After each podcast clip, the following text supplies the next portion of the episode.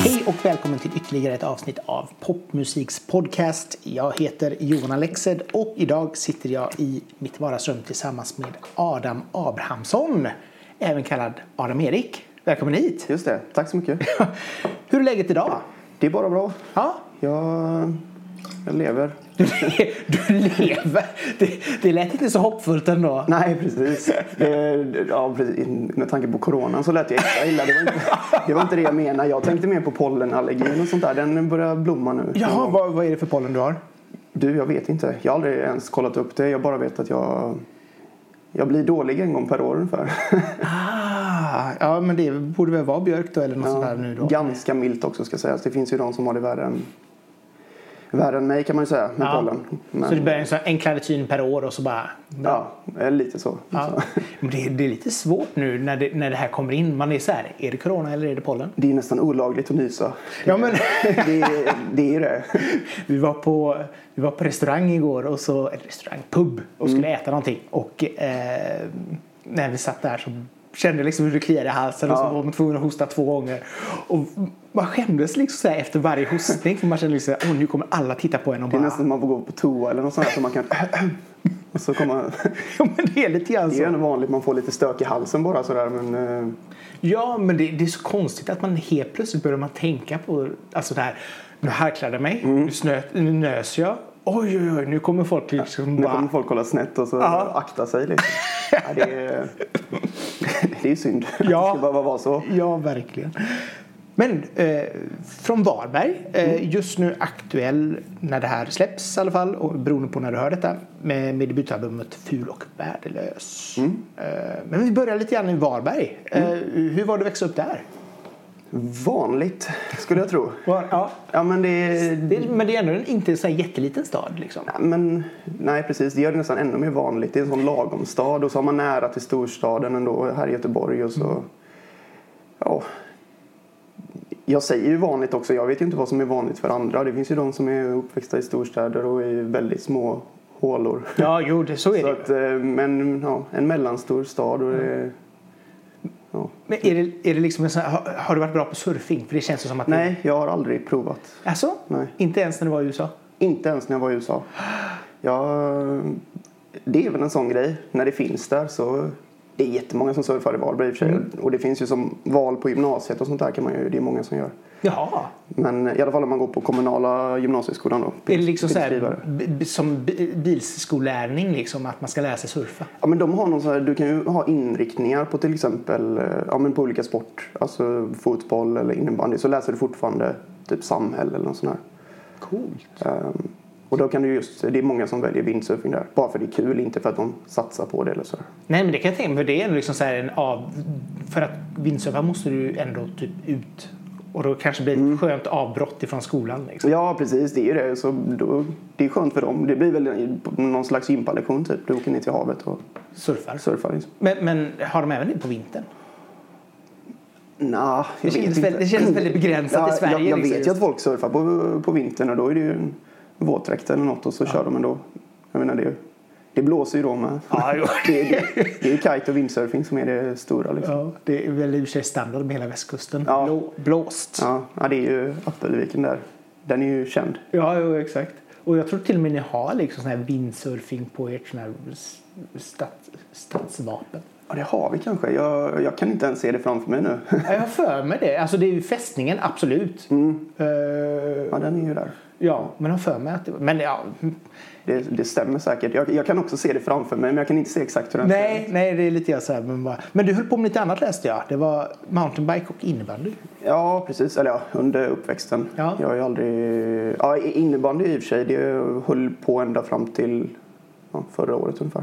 Vad var det som slutade då? Eller varför? Jag har ju aldrig... Jag har ju mest haft det för att jag tycker det är kul att jaga en boll. Det är bra träningssätt liksom. Jag sats, satsar på det slutade jag med för länge sedan Ja, okej. egentligen.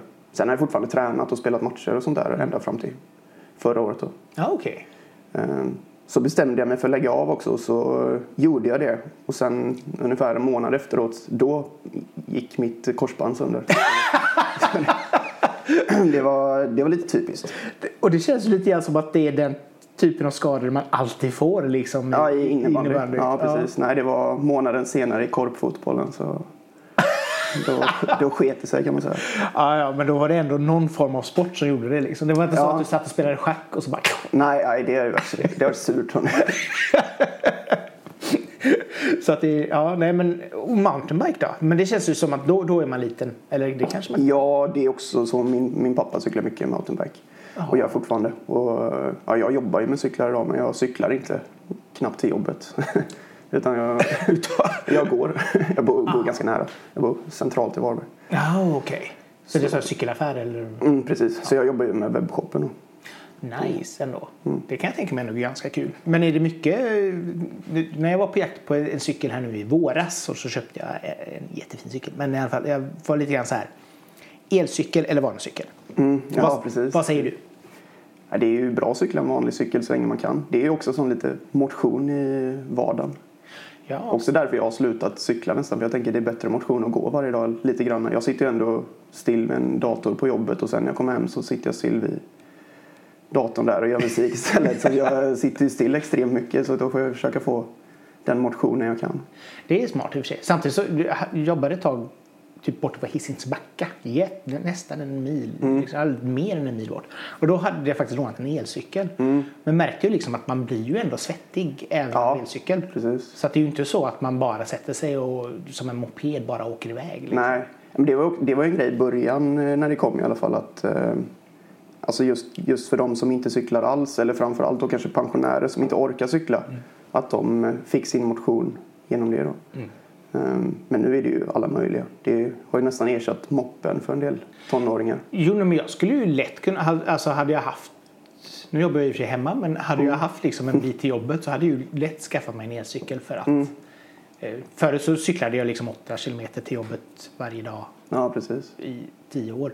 Eh, men nu med en elcykel så känns det ändå som att åh, då hade man inte behövt vara lika svettig när man kom fram. Nej, precis. Jag blir liksom alltid genomsvettig. Ja, liksom. ja, det blir man ju. Det så att det är liksom, då, då så är det backigt och motvind och allt vad det kan vara så... Framförallt Göteborg. Ja. Staden där det är motvind alltid. Ja, det är, Varberg lider av det också. det är så kom... Men därför är det kul med windsurfing för de som gillar det.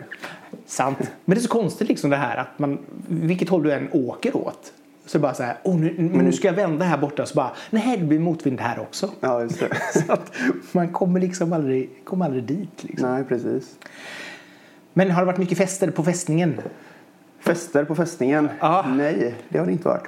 inte det en sån här eh, klassisk Varbergsgrej att man sitter där och dricker öl? Och... Ja, okej. Okay. Det är väl på sin höjd att man sitter där och tar någon öl. Fast det har jag nog nästan aldrig gjort när jag tänker efter. Ja, okay. Kanske någon gång. Det brukar ju vara i Societetsparken där så brukar det ju vara konserter och då kan man ju sätta sig uppe på fästningen. Och även eh, fästningshörnan, det är ju många, brukar de smälla upp en scen där av stora svenska artister.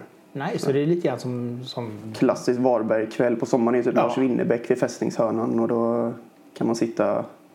Nu är inte jag något större fan av honom men det är fortfarande trevligt att sitta där uppe och lyssna.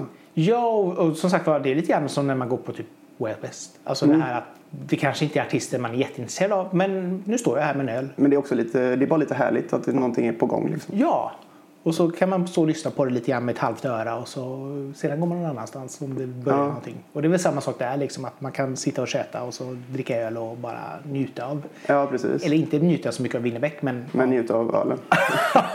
det, det är jag bra på. Favoritöl? Oh. Jag vet inte faktiskt. Är du en sån här lagermänniska eller en IPA-människa? Ja, men jag, jag, jag har, jag, direkt när du sa det så får jag en i huvudet. Jag vill knappt säga den. För Säg den. Det, det är favoritölen just nu. Falcon Export. Det är så? ja, men det, det, är bara för det är en helt vanlig ljuslager. Ja, nej, men det är, det är inte dumt ändå. Nej, alltså... nej, men jag tycker det är fantastiskt. Annars har jag också en sån här, när jag bodde i USA fanns det en öl som jag bara, den har jag satt väldigt högt upp. Den heter 805 eller 805. Ja som finns. Jag vet inte om den finns på flera ställen men den fanns i alla fall i Kalifornien. Mm. Och uh, den var fantastiskt fin. En Pale Ale tror jag det var. Ja. Nice. Lite så mellan en ljus lager och en IPA på något sätt. Ja. Väldigt god. Nice. Uh, Lagunitas gillar ju jag. Det är ju också Kalifornien eller San Ja, Francisco. den är lite, eller de kanske är olika förresten. De har massa olika. Ja. Men, men när jag var i, i San Francisco för några år sedan så var jag på någon sån här ölbar. Mm. Och då serverade de den här, då hade de någon sån här limited edition öl då som de hade, eller gästöl då med Lagunitas. Ja.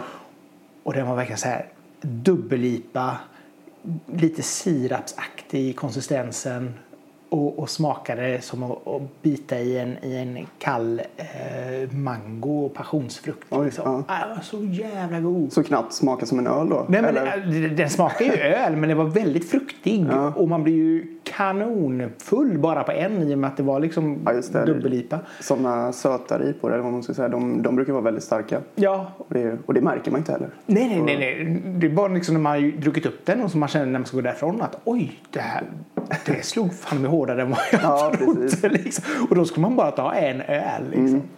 Så att det var ja, eh, spännande. Men eh, vi kommer in på musik. Mm. Eh, du hade lite musik i släkten och så vidare. Men hur har musiken kommit in i ditt liv? Kan vi börja med.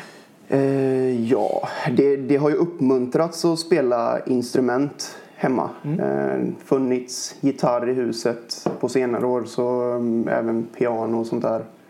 Eh, framförallt så kom, är det på min, eh, min jag har skilda föräldrar också, på min pappas sida.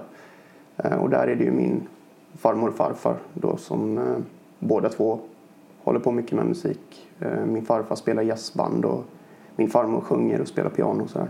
Ja, okej. Så det har ju stått en flygel hemma hos dem som man har varit på mycket. Även om jag inte har spelat piano direkt när jag var liten så har jag alltid gått och spelat ändå kan man säga. Jo men det är, väl, det är väl en sån standardgrej att så fort man ser ett piano så vill man gärna Mm. och så blir man lite irriterad över att det inte låter som man tror att det bör låta. Nej, nej precis. nej, jag, det var ju det under, under de yngre åren så vet jag att jag hade någon melodi från någonting jag hade sett film eller sådär. Då gick jag och liksom letade upp melodin på piano. Bara, inga ackord eller sånt, bara, en, bara melodin liksom. Ah, Så det, där någonstans var det, la- och det var inget jag tänkte på då, men det, det var, la säkert grunden för liksom känna igen melodier och även skriva melodier nu då. det fanns eh, som sagt var man har väl alltid någon form av som sagt musikintresse någonstans. Mm. Det känns som att de flesta har det någonstans. Liksom så att man gillar musik och så sen Ja, kanske det det, inte blir att man vill jobba med det eller något sånt här, men man fascineras av det. Ja, och många kommer ju på det väldigt sent. Att de vill liksom, det kan ju vara när man är över 30 eller sådär, man vill spela gitarr liksom. Och då är det svårt att börja kanske. Jag har aldrig haft någon inlärningsprocess på gitarr. Alltså jag har bara kunnat spela ackord, tänker jag. För att jag kommer inte ens ihåg när jag lärde mig det. Jag har bara kommit med åren så har jag kanske lärt mig något lite då och då. Aldrig tagit kurser eller sånt där. Varken gitarr, ja, piano tog jag i och för sig en kurs i USA men det var ju knappt alltså. det, var, det var, man satt en hel klass, alla hade varsitt piano och så fick man sitta med hörlurar och Oj! trycka lite. Och så hoppas att det blir rätt och så sa de varsågod du är godkänd. Ja men det var typ så. Kom till och med ihåg att min lärare, vi hade, det är väldigt viktigt att man ska ha sina finals och sånt i och någon form av uppvisning eller sådär. Så då skulle vi spela inför klassen eh, där i USA och eh, jag var skitnervös för det. För bara sitta och spela piano inför alla. Eh, då var jag inte så, då hade jag inte tränat så mycket heller liksom. Ehm, och så dök man upp där på dagen hur nervös som helst. Då kom inte läraren. Han var jäkligt flummig av sig. Ja, okej. eh, så att vi satt där en halvtimme typ, hela klassen. Och bara glodde. Och sen, det var ju sista gången vi skulle vara där också. Så sen, det var det. Men, men, Jag har inte ens kollat om jag fick betyg i den kursen. Men jag, jag hoppas väl det. Det spelar ingen större roll. nej, det gör det väl inte. Men man får ju betyg. Alltså, har du inte ens fått det skickat liksom? Nej, jag har säkert fått det på någon mail någonstans. Vi hade ju en sån eh, Ah, skolmail. skolmail och något konto och sånt där. Jag har faktiskt inte varit inne och kollat där. Jag pluggar inte riktigt i USA för att plugga utan det var mer eh, för skojs skull. Men eh, berätta lite grann. Du hamnade på Santa Barbara City College. Mm. Vad... Det var... Idén kom bara för att jag fick hem reklam på posten och så jag visste inte vad jag skulle göra efter studenten. Olikt de flesta som är väldigt taggade på studenten så kände jag att jag har det ganska bra i skolan. Jag har aldrig slitit så hårt sådär. Bara liksom gjort de uppgifterna jag ska och så tagit det lugnt liksom.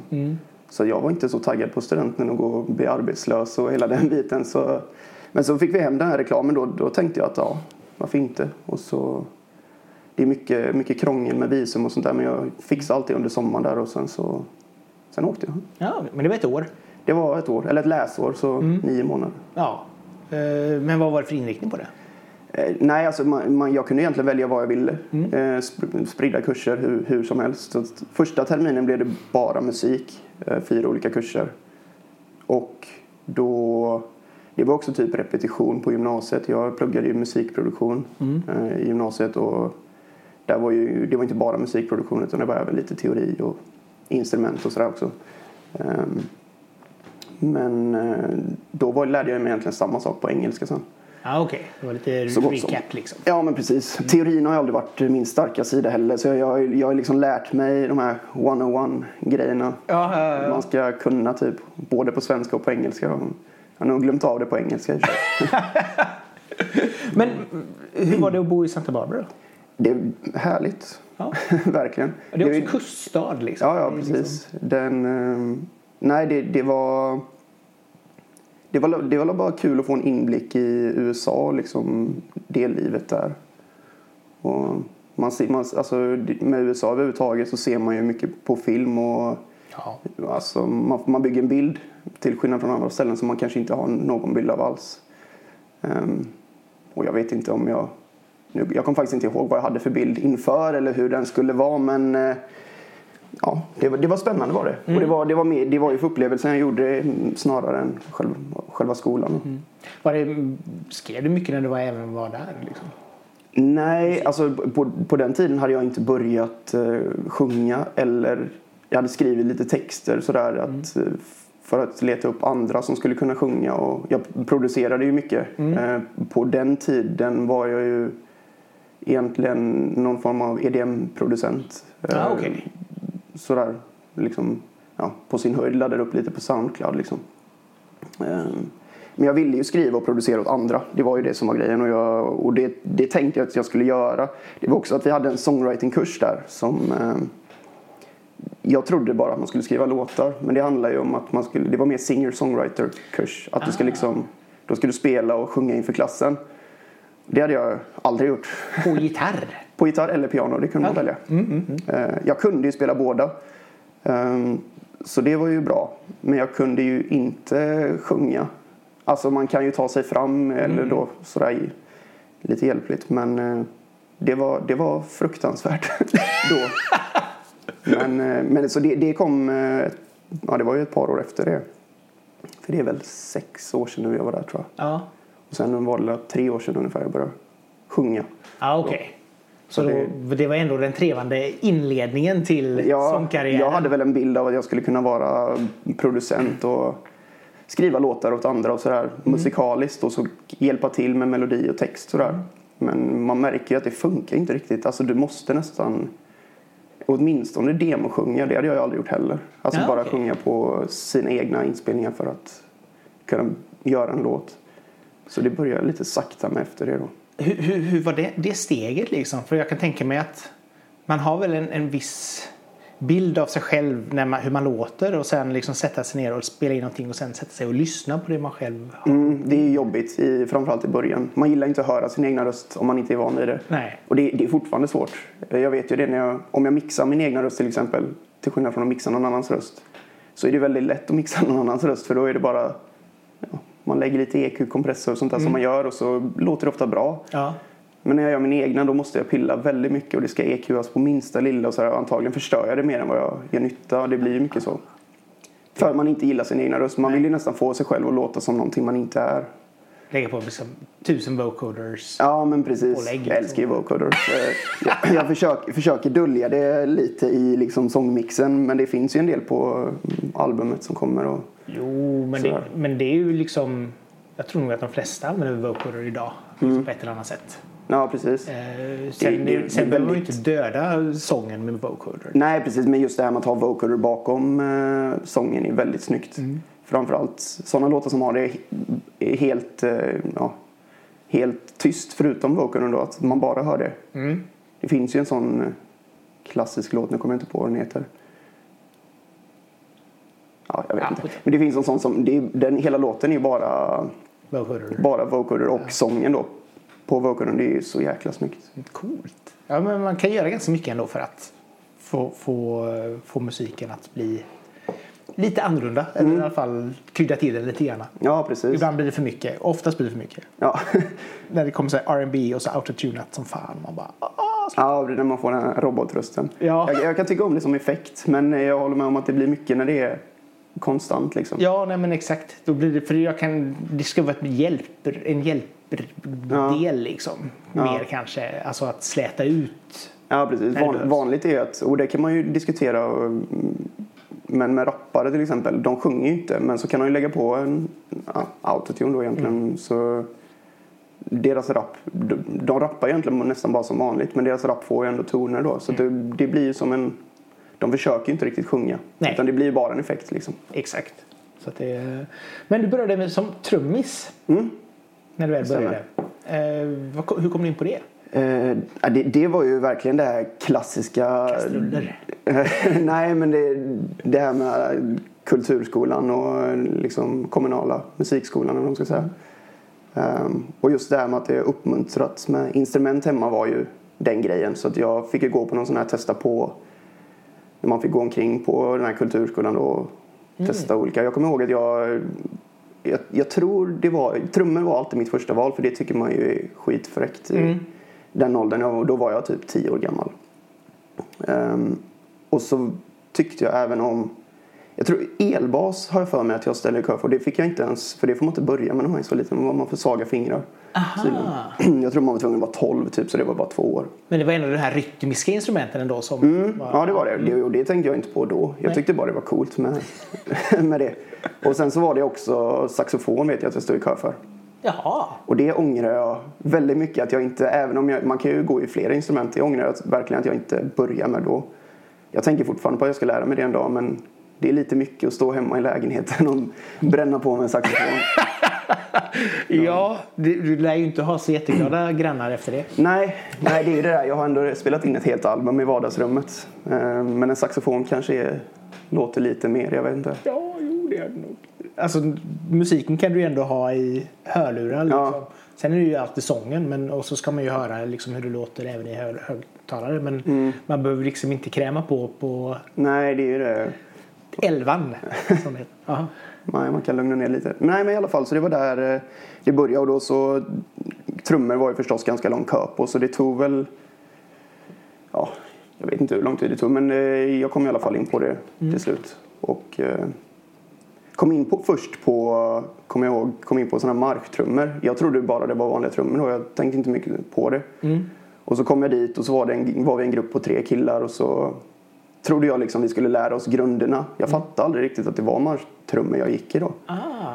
Och då är det där en vänster trumpinne snett och den andra och det var mycket sånt där. Vi fick spela lite trumset också. Det var lite övningar men det var det och då, jag tyckte inte det var roligt så då slutade jag ju. Ehm, men då tog det väl, kommer inte ihåg, men ett år eller någonting kanske och så kom jag till slut in på riktiga trummor då och började med det och då, då satte det ju fart. Så då började jag spela väldigt mycket. Du var inte den som ville gå liksom i sån här pompommarsch marsch genom stan? Liksom. Nej, verkligen inte. Och det är också en sån sak. Nu kan jag ju tycka det är bland det coolaste som finns att se. För det är så jäkla mäktigt med så många instrument samtidigt. Mm, och slagverk har jag stort intresse för överhuvudtaget. Men, eh, men nej, jag, jag var inte så sugen på dräkterna och det där som hade, som hade kommit senare då. Ja, jo, men det, samtidigt så är det lite grann så här. Jag bodde ju också i USA ett år och gick på high school. Men just den här delen med, med cheerleading och hela den biten. Alltså, Det är mäktigt. Är det? ja, och, och det är som sagt det är ju en del av deras kultur. Och vilket gör att där är det ju inte så jättetuntigt. Nej. här så kanske man känner är li- ah, lite så varning på Lite det. sämre här ja. Ja. Så, nej, nej, men som sagt, det är inget illa mot dem. Jag tycker det är skitcoolt nu. Det var bara att när man var liten så då, är då vill jag ju spela rock liksom. Då vill det vara Rick Allen. Bara, Ja, sitta och, ja precis, det är coolt. Men ehm, nej, det var, jag lyssnade ju mycket på hårdrock också i den åldern. Det var där någonstans jag började få intresse för musik. Musik inom citationstecken hårdrock. Okej. Precis. Nej, men mus- musik efter man lyssnade på Hits for Kids och Markoolio typ. Men då, då blev väl intresset hårdrock liksom.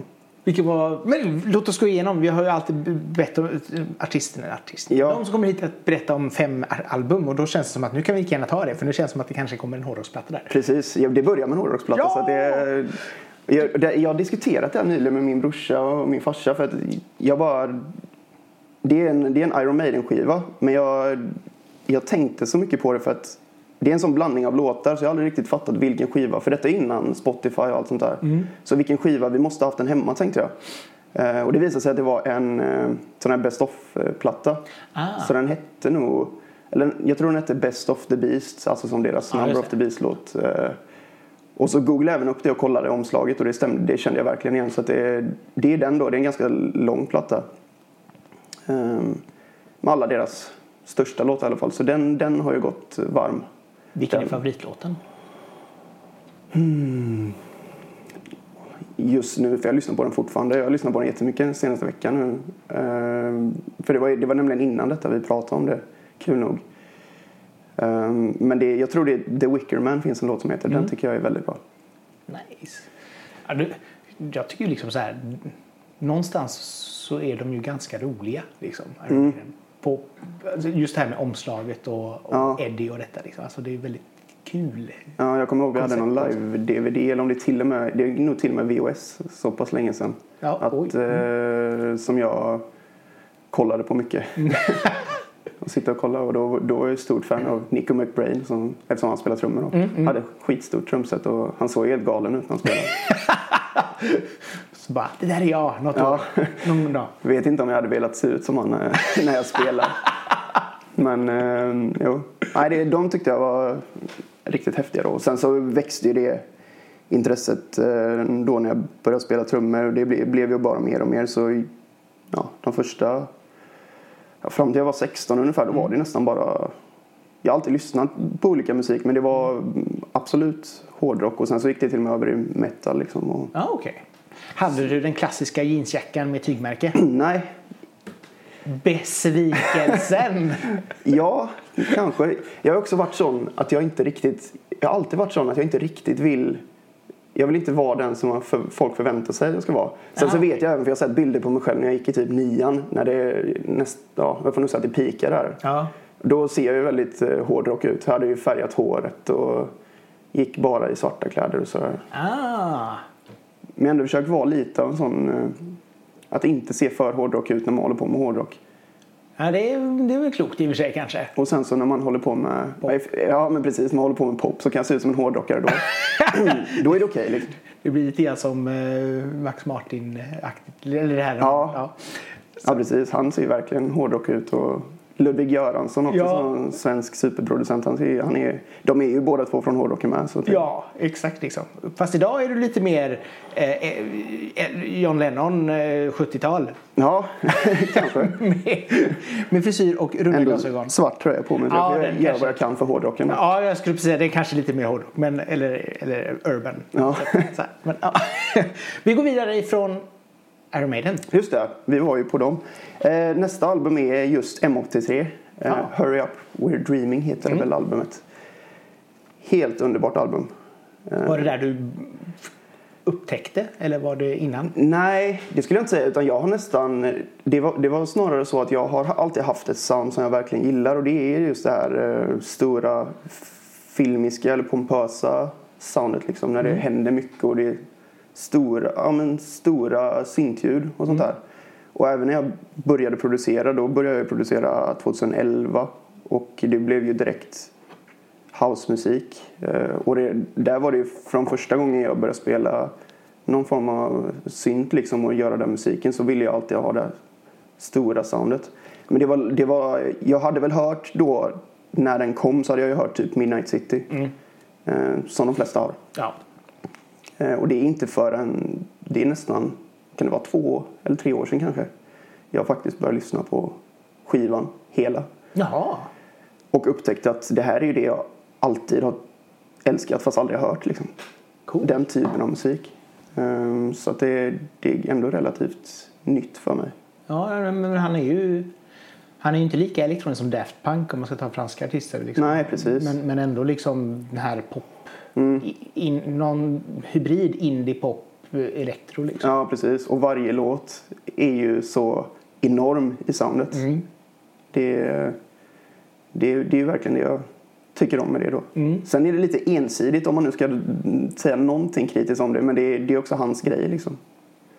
Jo, nej, men han, det, det är ju liksom så här, som, som albumet innan var ju väldigt indie. Mm. Eh, Sunday, vad han heter, Sunday, ja, Jag har inte koll på vad någon av de Ja, andra men- heter faktiskt. Jag har lyssnat runt lite sporadiskt bara. Ja, nej men det kändes väldigt så här indie-aktigt liksom. Mm. Eh, nästan, ibland till och med nästan lite tweedpop liksom. Eh, och så kom det här liksom som verkligen var liksom in your face elektro liksom. Mm. Ja, ja. Ja, Det är så så bra. jäkla coolt. Ja, det är grym platta, helt klart. Efter M83, vad har vi då? Då har vi eh, Oskar Lindros Klappar och slag. Jaha. Ehm, Jag hade kunnat välja vilken som helst av hans tre plattor egentligen för jag tycker de är helt underbara. Jag, jag är ganska säker på att han själv har sagt att eh, den plattan är den som betyder minst för honom. Just uh, innehålls, alltså textmässigt. Ja. Ehm, att han är mer ja, men personlig liksom på första och tredje.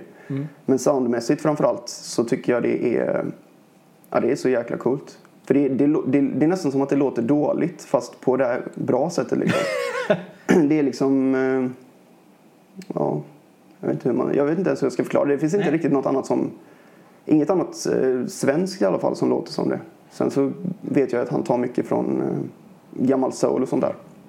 Absolut. Och det det är ju riktigt bra liksom. Jo, men det är väl också det som är det som gör att musik kan bli roligt eller extra roligt när man faktiskt mixar genrer.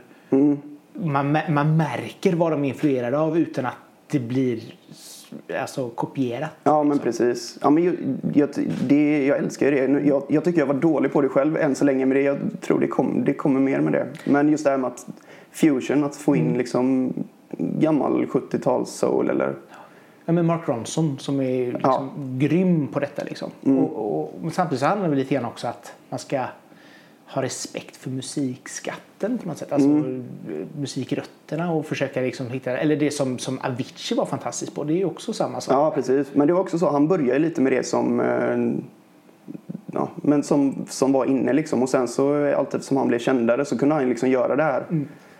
Han ville och som han tyckte var coolt och då tog han in ja, country och Blues. blues ja. mycket sånt. Och det, det slog ju mer än någonsin liksom. Ja, ja, ja. så det gäller ju liksom att hitta och jag tror det är ju det som gör också, det är väl lite grann den här Melodifestivalsreceptet att du tar någonting som folk har hört hundra gånger och gör det till någonting som folk kanske inte har hört men ändå känner igen. Ja, ja men precis. Det är ju så det funkar för du, du kan ju inte skriva en ny låt idag. Nej, nej, nej, nej absolut inte. Men går sam- inte. samtidigt så kan man ju göra den i en viss, en viss mall som låter likadant som allting annat. Men Ja. i det fallet, i Avicii-fallet till exempel då, så har du ändå något som gör, som flyttar fram positionerna liksom på något sätt. Ja, men precis. Men det är just det här att om man tar, man tar någonting nytt och någonting gammalt som han gjorde. Och det är ju, så funkar det ju alltid. Det Ja. Efterhand så var det ju mycket, eller efter honom, det, det var någonting han inte har gjort så mycket i alla fall. Att det kom mycket disco Ja. i i alla fall eh, EDM-scenen. Liksom. Och den är ju gammal från början. Eller Daft ja. Punk och ännu längre tillbaka säkert. Ja, disco går ju i, i vågor känns det som. Mm. Alltså, det är ju varje, varje decennium har ju en discoperiod. Mm, ja, men Känns det precis. som. Eh, Och nu känns det som att popmusiken är mycket på ja, men 80-talet någonstans. Ja. Jag tänker på The Weeknd typ. Ja, men det är Eh, syn- synthwave, liksom, Ja. väldigt mycket sånt. Ja. Så att allting ska låta liksom 84, 86 någonstans där. Och det gillar jag, att det är just nu. Alltså, för det här när man får den nya popmusiken med det här gamla, det Mm. tycker jag är skithärligt. Jo, men det, samtidigt, det är när jag går igenom låtar till bloggen. Och så fort det är synthwave och liksom så här, det är alltid en bra melodi, det är alltid bra driv och det är väldigt syntigt. Mm. Och jag går ju igång på det så lätt så att Mm. det bara, åh, men det här måste jag skriva om. Det här är ju jättebra. Alltså, Ja. jag är så lättköpt när det gäller den biten. Ja, ja det, är, det är härligt. Det är det. Ja. Så att, ah, okej. Oskar Lindros. Oskar Lindros var det. Sen hamnar vi... Jo, eh, Kendrick Lamar, To Pimp a Butterfly är Aha. nästa. Ja. Och det albumet är väldigt annorlunda. Eh, mycket galen jazzinfluens, fast ändå hiphop. Okej, jag har inte hört albumet. Nej. Mm. eh, rekommenderas Ja. verkligen. Det är... Ja, jag vet inte, det, det är nästan Miles Davis-influerat. Alltså så fusion jazz liksom. Ja. Och väldigt udda men så fort man bara sätter igång det så är det hela låtarna igenom så är det bara oh, vad händer nu? Vad händer? Du, du, det är liksom ingen, eh, det är inte poppigt Nej. eh, alls egentligen. Förutom att det är Kendrick Lamar då. Mm. Så det blir ju populärt ändå. Ja, jo, men exakt. Men det är ju det som är lite skönt med att han först kan slå igenom och sen så gör han också den här extremt konstiga eller udda musiken. Fast ändå med sin rap då. Mm, Det låter intressant också. det, det är väldigt bra. Ja, jag ska kolla in. Ja. Och ni som lyssnar får kolla in också. Men, men. Och sist men inte minst. Sist men inte minst ett eh, relativt nytt album. Störst förra året tror jag. Nu kan jag inte ens komma på vad det heter. Billie Eilish album. Jaha, ja, ja. Eh, When we all fall asleep, where do we go? Ja, Where do we dream? Jag ska säga vad den heter. Men skitsamma. Uh, Bi- Billie Eilish. Ja. Det är ju verkligen... eh, Det är mer... Alltså soundmässigt kan jag inte säga att... Inte direkt i alla fall att jag är så influerad av det kanske. Men just den här... eh, When we all fall asleep, where do we go? Det är mer den här grejen att... Bara, det, det här man säger alltid att gör det du vill så kommer det till slut funka liksom. Det funkar nästan i början för henne då. Men eh, Ja. att göra någonting så udda och så konstigt och man har hört historier de säger att massa stora skivbolags eh, sa att de, det måste finnas en hitlåt, ni måste ändra det här och göra det här men de tog inte något av det utan det blev bara hon och hennes brorsa som skrev hela albumet i hans sovrum liksom och det är det största albumet förra året och hon är ju helt gigantisk nu. liksom. Ja, ja, ja. Och, och samtidigt också så här skapat en våg av emo-pop. Ja, Alltså, Ja, men det också, ja, jag, jag tycker verkligen om henne och alltså, den stilen hon har. Att hon liksom går emot det poppiga och ändå är mest pop av alla. Liksom. det, jo men det är lite alltså, det är ju väldigt mörkt, det är rytmiskt. Eh, hon är cool som fan. Och eh, som sagt var, alla vill vara Bill Eilish. ja, Det, det är också något man märker i mycket av låtarna som kommer in att det är liksom så här, ja det här är Bill Eilish. ja, ja, ja, precis. Det, det, det blir ju också så. När någon slår med något sånt så kommer det komma en våg efteråt med samma musik. Ja, jo men så, är, så blir det ju alltid. Men, men det har varit så otroligt tydligt också just det här att det är, och framförallt också att det är så många tonår, alltså så där, man skulle säga svåra tonåringar. Som, som, Det är väl så många som kan relatera till henne. ja, Och det, är- det är ju stort. Alltså, det blir ju det. ja, absolut. Och det känns som att helt plötsligt så har också den generationen fått en röst. Vilket är viktigt. Verkligen. Eh, och det behöver inte bara vara liksom glättigt utan det kan vara med tanke på att det är många som mår dåligt och eh, hela den biten. Ja, men exakt. Psykisk ohälsa och så vidare. Ja. Och där har du verkligen Också bra att de liksom får någon att se upp till. Och sådär. lite så. Alltså, så det är nog det är väldigt intressant att det har blivit så pass stort faktiskt som det har blivit. Mm. Att det, ja, nej men då har vi en liten, liten bakgrund av eh, Mm. musikhistorien för Det var också eh, just album liksom. Mm. Jag, jag lyssnar inte så mycket på album egentligen. Dessa album är ju sådana jag kan sätta igång bara själva albumen Ja. och lyssna på. Sen är det ju nu för tiden man lyssnar inte så mycket på album. Utan det blir ju liksom spellistor, Spotify sådär. Jo, nej, men så är det ju. Det är därför jag brukar säga också att album eller låtar eller mix av det. Bara för att man kan... För jag vet ju att det är många som kommer hit som bara Åh, jag lyssnar aldrig på album. Nej. Och då, då kan det vara käckt att kanske bara diskutera någon låt som har, som har varit viktig liksom. Ja, precis. Men jag tyckte det blev en bra, en bra mix och Ja. en, en ganska härlig eh, musikresa. Mm. Eh, från då till nu liksom. Eh, vi tänkte vi ska kolla lite grann på producent. Eh, du har varit, var inne på det här att du hade producerat åt andra. Du har eh, skri, velat skriva åt andra. Hela den biten. Eh, vad, var det som, vad var det som var avgörande för dig där att känna att ja, men det är lite grann åt det här hållet jag vill gå egentligen liksom? Nej men från början så var det, jag började ju som sagt när jag började producera så kom jag ju rakt in i hela EDM-scenen eller house-musiken. Den slog ju mer än någonsin precis där vid 2011-2012.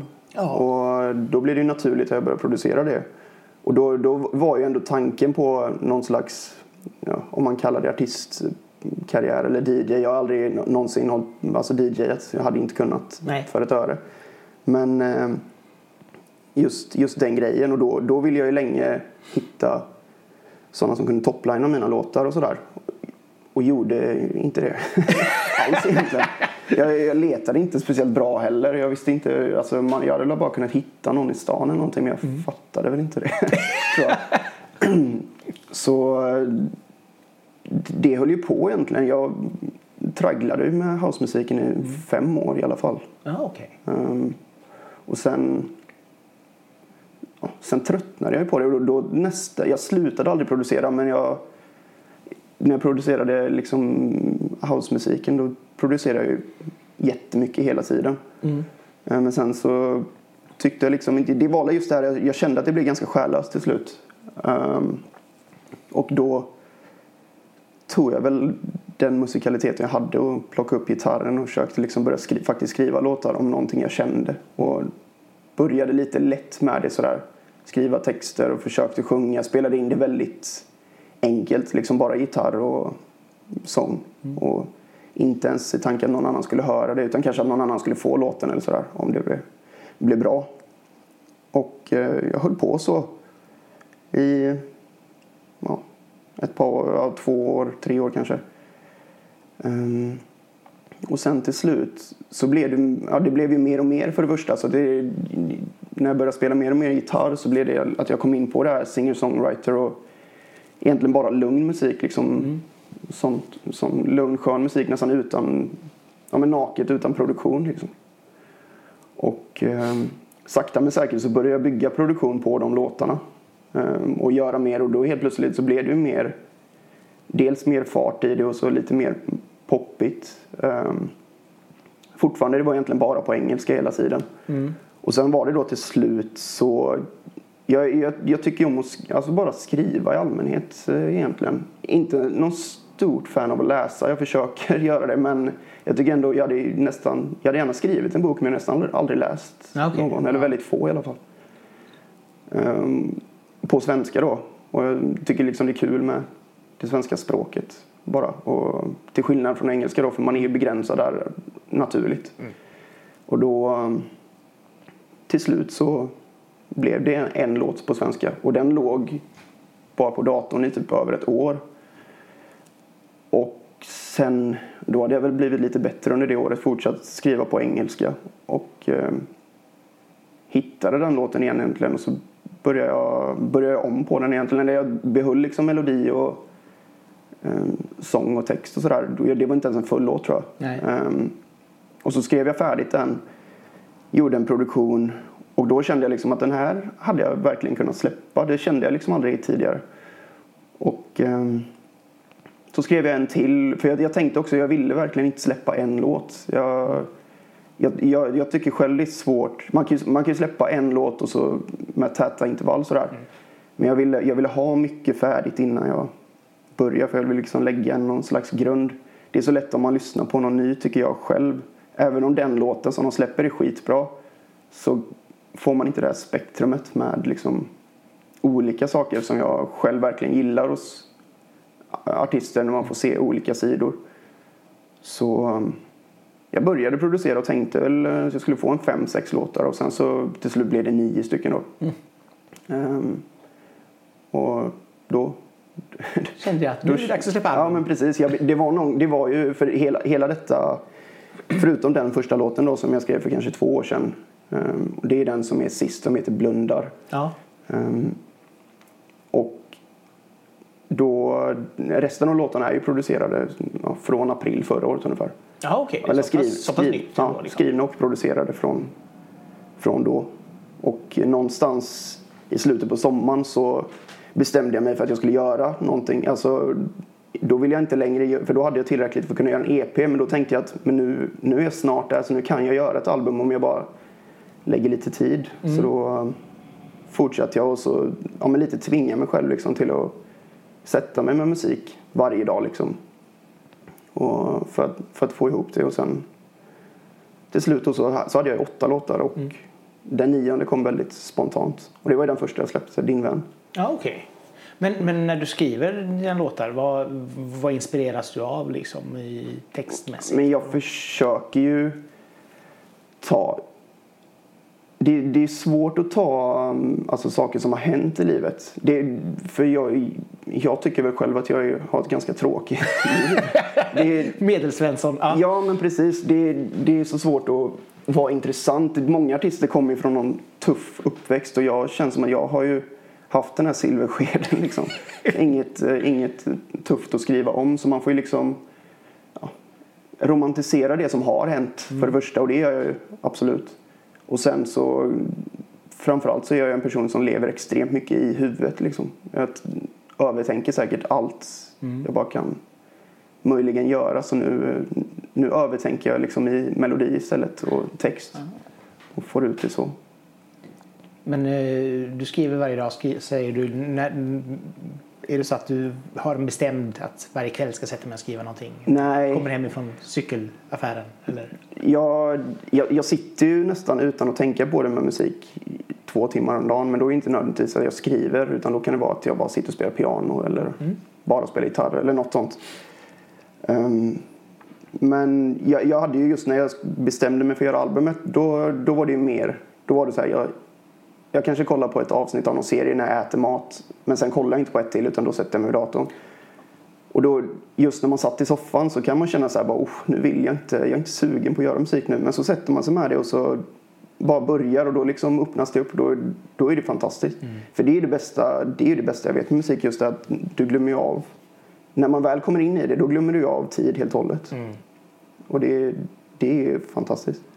Vad, vad känner du är din styrka när du, när du gör dina låtar? Liksom, sätter ihop dem? Är det, det, det är så svårt och jag har tänkt på detta själv. Och just eftersom jag gör alla delar själv så är det så svårt att veta om jag är bättre eller vilken av delarna jag är bättre eller sämre på. Det får nästan någon annan säga till mig.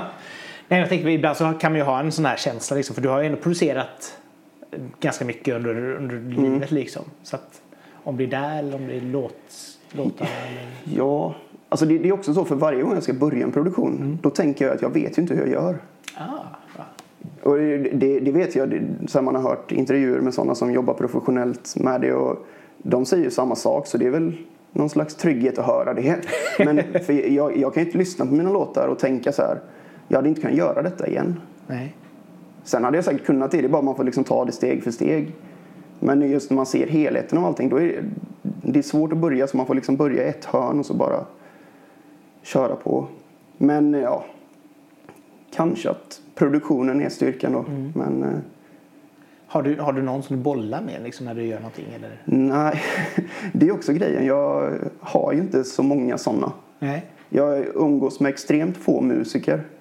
Och det är väl också det som lägger grunden till att jag liksom gör allting själv. Alltså från liksom skriva till att producera till mixa till hela kalaset. Så det var egentligen, jag, jag skickade ut albumet till, eh, när det var liksom färdigt i sin, bortsett från mix då, så skickade jag det till några stycken vänner och sådär. Lite olika typer av vänner om man kan, om man kan säga så. En inbrottstjuv? Nej, men man, vet, man vet ju de, skickar man till eh, vissa polare så vet man att de kommer säga så här. Det här är hur bra som helst, du är skitgrym. Men man vill ju också gärna, man vill ju få något riktigt också. Typ så här, är det bra för att vara jag eller är det bra för att vara bra liksom? Mm, ja. Ehm, Så jag försökte skicka runt det och eh, mest också för att så här, jag tänkte jag ska släppa detta albumet, kommer jag göra bort mig? Liksom. Det var ingen som, ingen som sa ja så då var det bara att köra in. Nej, men det är, för det är ju bra, ett bra popalbum. Liksom. Men samtidigt så är det, det som också är intressant är ju att du, det är ju en sån här pop-rap eh, framträdande. Liksom. Mm, ja precis. Det, det är också, jag har ju aldrig överhuvudtaget varit någon form av rappare kan jag inte påstå. Men, men jag, tror, jag tror det är någonting som kommer med att jag är en ovan sångare. Ja. Att, för jag hade haft svårt med mycket långa toner och sjung, därmed sjunga fint. Och då blir det ju att då blir det snabbt och rytmiskt istället. För då är det liksom det är väl så jag backar upp det istället. Liksom. Och det blir så här pratsjunger liksom på, på ett sätt. Ja, men näst, nästan som att man rappar fast med melodi. Liksom. Ja, jo nej, men exakt. För det, det var så svårt det här att, att liksom, man hit, hit, sätta, sätta ett, ett, ett, ett sigill på det eller en genre på det. Liksom, för Mm. det är ju pop och det är ändå lite rap. Men det blir liksom inte, det blir liksom inte för mycket rap för att det ska kännas som ett hiphop-album. Nej, nej precis. Men, men ändå så är det liksom det här pratsjungandet och de här melodierna så att det blir ju, det blir ju helt enkelt ett popalbum. Liksom. Ja, precis. Ja, Jag är så dålig på genrer själv. Jag kan inte Ja. säga, jag hade aldrig kunnat säga vad jag själv är i för genre. Alltså pop. Men pop är inte en genre om man säger så. Det, hårdrock kan ju vara pop om det går på radion typ. Jo, nej men det- exakt. Alltså, Def Leppard är ju pop. Ja, ja men precis. Så det är, jag, vet, jag vet inte vad jag gör för genre. om någon skulle fråga. Nej men eh, pop, pop, väldigt poppigt. Mm. Så att, eh, det är också det. Men det är också så här mycket det har skrivit om så här mycket kärleksrelationer som har tagit slut och det har varit slut på förhållanden och Mm. den biten. Och det är också en sån, jag har aldrig haft ett riktigt förhållande. Det är så. Nej. Men ändå så är det, skriver du om kärleksförhållanden. Ja, precis. Eh, Nej, men det, det, det är väl snarare... Alltså, det, det, är väl, det är väl också skillnaden på, om skillnaden på ordet förhållande och relationer. Alltså, för det får jag väl ändå påstå att jag har haft Mm. någonting, men jag har absolut inte haft något förhållande. Det här är liksom, Så att- man gör saker tillsammans hela tiden. Och, Nej, precis. Det var ju också en sån sak med den sista låten, eh, Din vän då, för den är ju, den lå- låter ju som en breakup-låt rakt Ja. av liksom. Och det var ju grejen när jag skrev den, för den skrev jag ju inte först som att jag skulle skriva den till mig själv, utan det var mer att jag tänkte att jag skulle skriva den till någon annan. Alltså så, som jag gör ibland bara för att lura mig själv att skriva mer musik. Um, och så skrev jag den och så tyckte jag det typ första versen och refrängen och så tyckte jag det, var det här blev ganska bra och så visade jag det för någon kompis. Och då var det så ja, detta är det bästa du har gjort typ. och då bara, ja, då, då får den vara med då.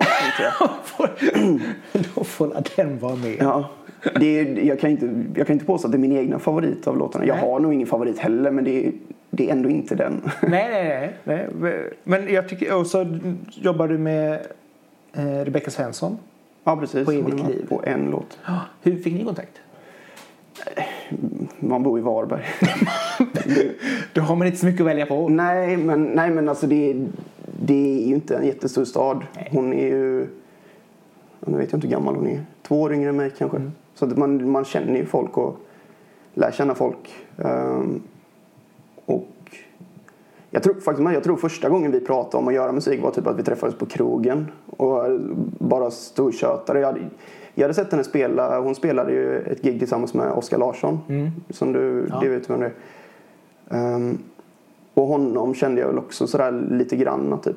Ehm, och så jag, jag tror det var efter det jag pratade med henne typ efter det giget på krogen senare och så sa typ att jag gärna gör lite musik tillsammans. Och det, detta var ju långt innan albumet. Detta är något år sedan. Ja, sådär. okej. Och då tänkte jag att jag kunde skriva låtar till henne då. Att sen äntligen hitta någon man kan skriva till. Ehm, och ja, vi, vi sågs ett par gånger och så vi började ju typ göra någon cover sådär. ehm, som aldrig blev någonting officiellt och så har vi typ försökt skriva lite låtar som inte heller blev någonting direkt och sen ja, så behövde jag en röst till den låten. Mm. Eller jag- ja, och, jag, och jag kände just att, att hennes röst skulle funka bra. Nice. Så, så, så, så var det med det. Så var, så var det med det. Ja, det blev ju ett bra resultat. Så Mm. det är liksom bara till att tacka och ta emot. Och det är väl också käckt också när man lyssnar på en platta och att det är, helt plötsligt kommer en låt som sticker ut i och med att det blir helt plötsligt en annan röst. Mm. Liksom. Det var också så jag verkligen kände. För jag mer än någon annan är trött på min egna röst. och, ja, att få, få min, min egna musik i någon annans röst känns, kändes bra. Ja, men det kan jag tänka mig att det Mm. blir lite, lite käckt där. Eh, lite snabbt, artistnamnet. Eh, varför blev det inte Adam Abrahamsson? Och det är inte catchigt. Nej, det är väl sant. Hade jag haft, eh, hade jag haft ett efternamn med två stavelser då hade nog mycket möjligt blivit det. Ja. Men eh, det, det var för långt. Ja. Det, det är inte svårare än så. Och jag, jag, jag försöker... Ja. Jag kan inte säga att jag hade något, eh, något konkret alternativ mer än just Adam Erik för att det är så jag heter helt enkelt. Ehm, men jag, jag ville ju länge inte ha det. För att jag är typ ett Z ifrån att vara ett dansband och det, det, det, det ville jag inte ha liksom. sen till slut så det blev det. Det blev dansbandet. Ja. Ja. Adam Eriks. Grymt ändå. Men Adam, eh, och titeln ska vi kolla lite grann också på. Eh, ful och värdelös. Det, är inte, det är inte den här peppande Nej, titeln. Är det dåligt självförtroende som lyser igenom eller är det... ja, men det är ju det egentligen eh, i grunden. Och jag tror inte någon som känner mig skulle säga att jag har dåligt självförtroende utan snarare att jag lider av någon slags hybris. Men, men hybris är väl bara någonting, någon slags skydd mot att man är osäker liksom. Eh, och sen, sen är ju själva låten då, för det är ju, det var bara en låt från början. Eh, och just den linen var bara någonting jag kom på. Jag tror jag satt på jobbet och typ lyssnade på den instrumentala versionen på låten. Så bara började jag liksom så här, du är ful och värd. Och så bara, ja men det kan ju funka, det är lite roligt tänkte jag. Och så då, då var det också, då hade jag väl kanske fyra låtar. Så det var ändå liksom idén med att skapa en EP eller ett album fanns ju. Och då, jag kände väldigt snabbt att det, det blir det liksom. Det är en bra titel. Ja, men den, den, säger, den är ju lustig på något sätt. Ehm, men låten är inte så, det, är inget, det är inget roligt ämne så sett. Ehm, men det är, just, det är lite det som är grejen, för det är ju lite, det är ju lite absurt hur, hur självkritisk man är. Det finns ju ingen annan som är så kritisk mot en själv som en själv ofta. Och det, det är ju det låten handlar om. Ehm, Jag sjunger ju den i du-form eller vad man ska säga. Men den, det är ju som, jag sjunger till mig själv egentligen. Så det är ju det som är... Stå framför spegeln och bara... Ja, du där är ful och värdelös. Ah. Men, det, men det kan ju också vara lite, kanske lite svårt ibland också det här att mm, ja, alltså det, det är ju en balansgång det här om, om, om man blir och är han destruktiv eller är han bara Ja, precis. så. Men, men eh, vi, är inte- vi är inte där i alla fall. Nej, Liksom. nej precis. Nej, det, så är det inte. Eh, absolut inte så. Utan det, det är just det här som jag sa innan med att jag jag lever ju liksom så mycket i mitt huvud. Jag övertänker allt och då övertänker man ju sig själv. Och det är ju det. Och så sen så just också med låten som handlar om raden går ju du är ful och värdelös men vem fan bryr sig? Det är liksom så här om du nu tycker att du, är, du själv är ful och värdelös, bara men var det då. Ja, det är- då, då I så fall då står du på botten då. och det är ingen Värre annan, än så är det inte liksom. ingen annan som kommer göra någonting åt den heller. Liksom. Nej, Så att, så det, är- det, är- det är ändå... Det, det är ju, jag vill ändå få fram att det är ett positivt budskap i låten. Ändå. Och eh, ja, albumtiteln. vad hoppas du om framtiden? Ja du, jag vet inte. Alltså man hoppas väl det bästa. Man hoppas att eh, så många som möjligt ska lyssna och sånt på albumet. Och sen så för musiken i övrigt. Jag jobbar ju redan på nästa platta. Men, så att det blir väl mer musik och jag har heller aldrig spelat live så det står ju absolut på på schemat. På schemat efter covid-19. Jag får ju absolut vänta ut det men det är bara bra för att jag känner inte att jag är där ännu. Då kan jag samla ihop nerverna Ja. och så bara Får liksom, ja, kan jag låta albumet landa och sen ta det då. kanske du som får stå i, i, på, på slottshörnet eller eh, fästningshörnet. Ja, precis. Det är tacksamt att man får mycket publik i sin egna stad för då.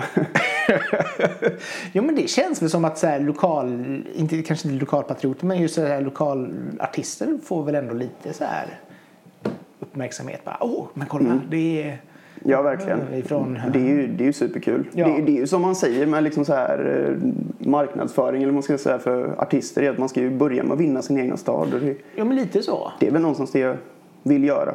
Alltså, Och det är ju tacksamt liksom. För jag menar det är som sagt bara Det är klart att man kanske vill nå ut och, och eh, bli jättestor och spelas på P3 och så vidare. Mm, Men samtidigt så här små steg liksom. Ja. Kan man ta eh, kommunen, sedan länet, sedan regionen. Ja, precis. Nej, men jag ser det lite så, eh, om man ska försöka se, se det konkret, så är det lite, alltså det är lite som att bygga ett hus. Liksom. Man, man lägger i grunden och så tar man det steg för steg. Och det är lite roligt att det liksom, så kan någonting hända på ett ställe och så händer någonting på ett annat ställe. Alltså, Låten spelas här eller en artikel där och så Man Ja. gör en podcast här. Ja, och, och vår hamnade i New Music Friday på Spotify till exempel. Så att det var Mm. Det, också det väldigt var roligt. väldigt roligt och jag blev jätteförvånad. Ja, nej, men det är jättekul för det, är, Ja. det blir ju bra, bra hörts. Men du har ändå haft, alltså första singeln hade också väldigt bra streams. Mm, men den fick ju ganska bra också för att inte vara på någon spellista. Ja. Så det, det, den var ju egentligen bara lokalt. Det blir inte lokalt. Det blir alltid att den når ut till lite fler också. Jo, sådär. nej, men... men- Kompisar streamade och så delade den. ja, precis. Många och så folk, kompisar i olika städer och många som delar. Det funkar ju så. Man får ju bara sprida, Jo, nej, men det, sprida ut sitt virus. hoppas att det är ett bra virus. Ja, precis. Ja. Underbart. Tack så jättemycket Adam för att Ja. du kom hit Tack själv. och ville prata av dig lite grann. Eh, Och till dig som har lyssnat så säger vi tack så mycket till dig också. Eh, Hoppas att du har haft det lika trevligt som vi har haft det här i Göteborg. Glöm inte att dela eh, avsnittet till dina vänner så att fler som sagt var upptäcker och hör det. Det är alltid en bra sak och prenumerera gärna på podcasten så får du nästa avsnitt direkt ner i din mobil så fort det släpps. Men från oss här i Göteborg så säger vi tack och hej! Tack och hej. hej, hej.